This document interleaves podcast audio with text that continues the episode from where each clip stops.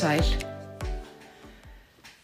Í dag er 25. mars 2021 og í gær fengum við þessar skemmtilegu frettir að nú er bara mesta lókun frá upphafi þessarar skrítnu veiru.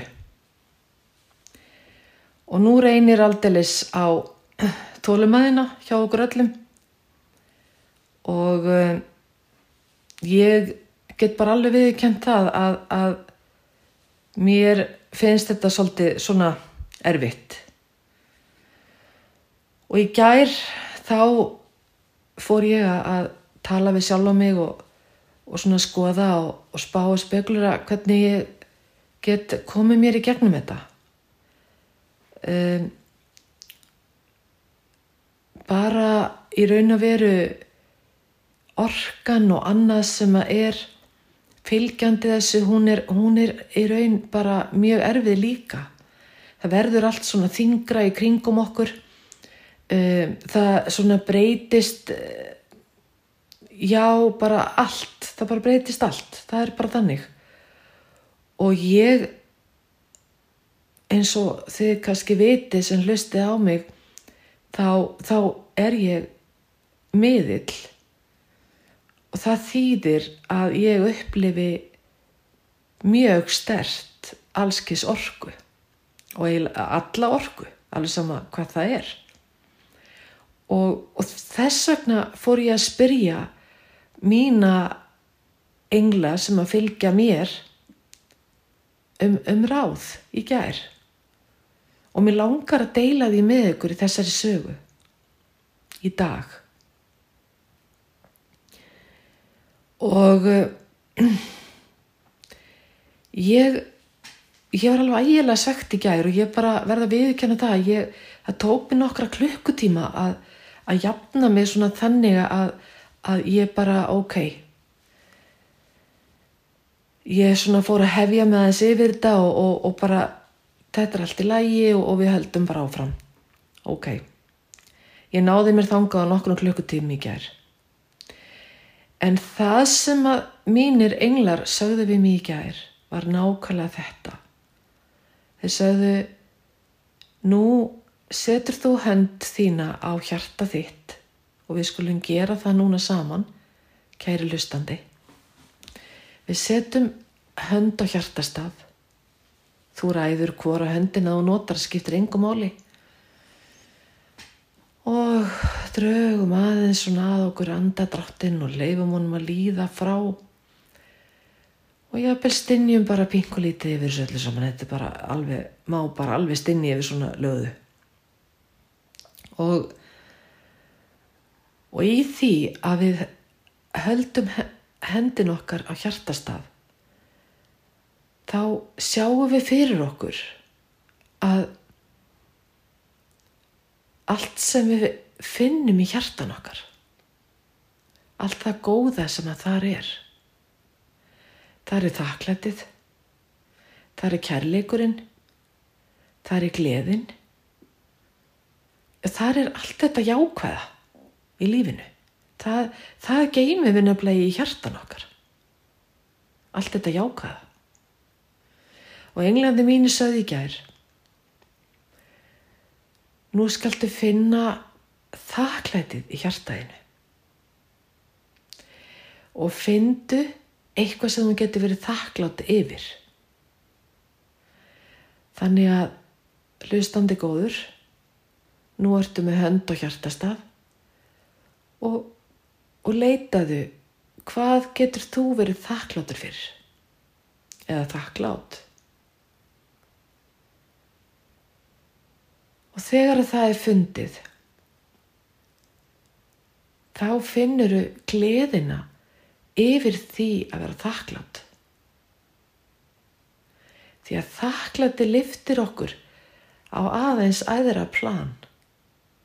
Og þá er auðveldara fyrir okkur að finna gleðina í því sem að veru þakklátt fyrir.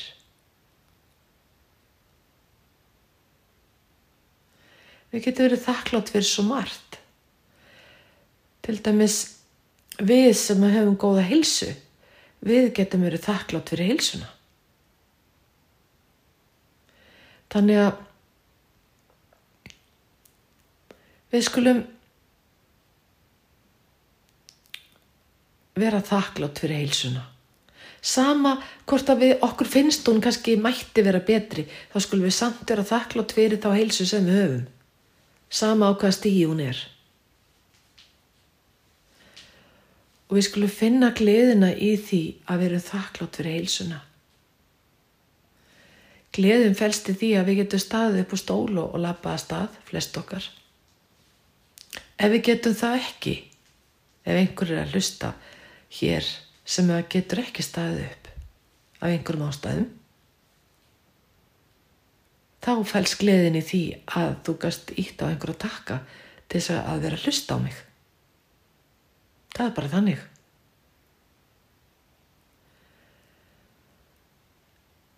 Og við gleðjumst yfir því að við getum framkvæmt eitthvað af því að við höfum heilsu til þess, sama hvað það er. Og þegar að gleðin er komin með þakklætinu, þá líður okkur strax betur.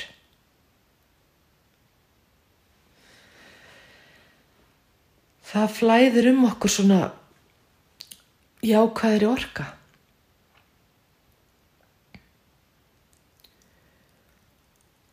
Og við getum farið brosandi út í daginn eða inn í nóttina.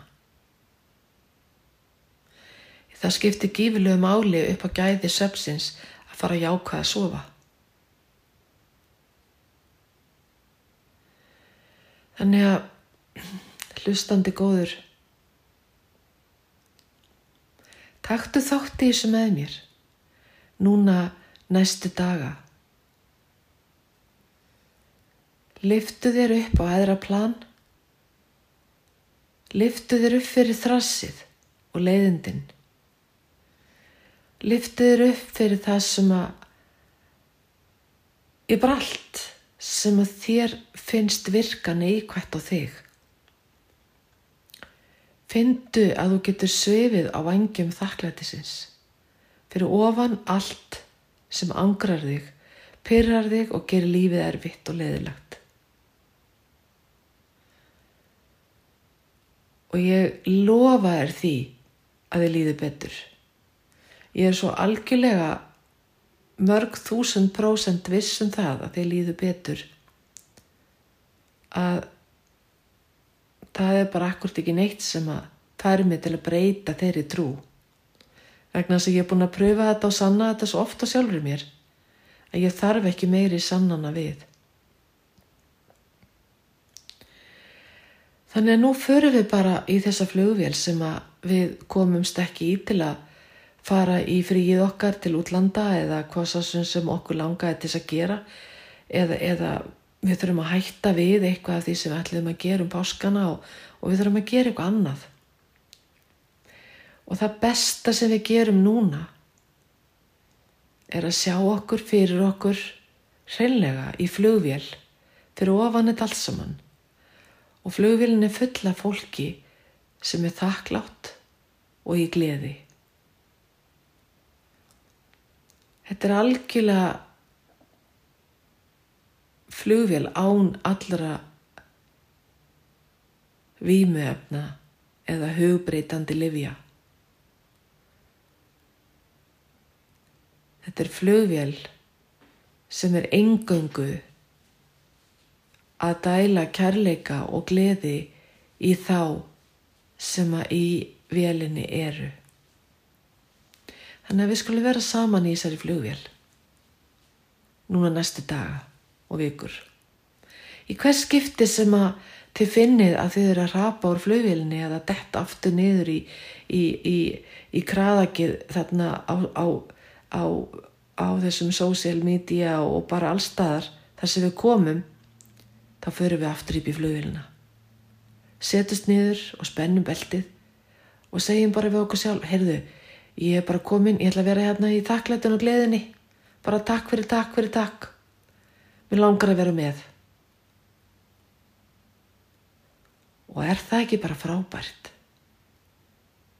Hugsið ykkur hvað eru mikil forréttindi að geta leift sér að fara á þennan stað og vera þar og, og njóta þess og, og það er líka svo gaman að þegar okkur tekst þetta að vera í þessari flugvél sem er fulla þakklætt og gleði og kærleika sjálfsögðu að þá, þá þarf enga sektakend vegna þess að við sendum þetta frá okkur og bjóðum bara öllum að vera með. Þetta er risastór vél að pláss fyrir alla. Að mig allir vera með. Og eini kostnaðurinn er að fara í þakklætina og gleðina og kærleikan það er eini kostnaðurinn. Og hann er nú frekar sko auðveldur. Það er auðveld að fara á þennan stað. Og þess vegna setti ég þetta upp svona eins og flugvél vegna þess að við kunnum öll að fara í flugvél. Og við veitum öll að við getum það ég hef mér þess að farið í hjólastól í flugvél svo lesa að ég veit alveg að það er hægt Ég slasaðist eitt sinn mikið ellendis og ég fór heim í hjólastól. Og það þurfti að bera mig úr hjólastólnum í sætið og ég gæti ekkert staðið upp úr sætinu í þessa þrjá, þennan þrjá og halva klukktíma á meðan ég var leiðin heim. Og um, það var bara þannig. Þannig ég veit alveg hvaða höft við getum haft líkamlega en við erum algjörlega óheft andlega og tilfinningarlega ef við leiðum okkur að. Og nú leiðum við okkur það að fara í þessa æðislegu flugvél. Og ég er nú þegar farin að sjá hana fyrir mér. Hún er í öllu regnbóðanslitum og hún er opbáslega skemmtileg og og það er e- engar, engin með svona headphones eða gónandi á einhverja bíómyndir eða, eða eitthvað. Það er allir í gleðinni saman. Að njóta þess að vera til. Það er engin smittætta það er ekkert sem við þurfum að hafa áhyggjur af. Kannski er þetta brota heimnaríki ég veit það ekki. Það má alveg vera það en ég er að bjóða ykkur í þetta fría ferðala núna yfir páskana. Og mér langar alveg opboslega mikið til þess að þið sem hlustið að ykkur líði vel og að hlusta á mig og, þetta sem að ég er að segja ykkur hjálp ykkur kannski eitthvað smávegis við það gefur mér alveg gífilega mikið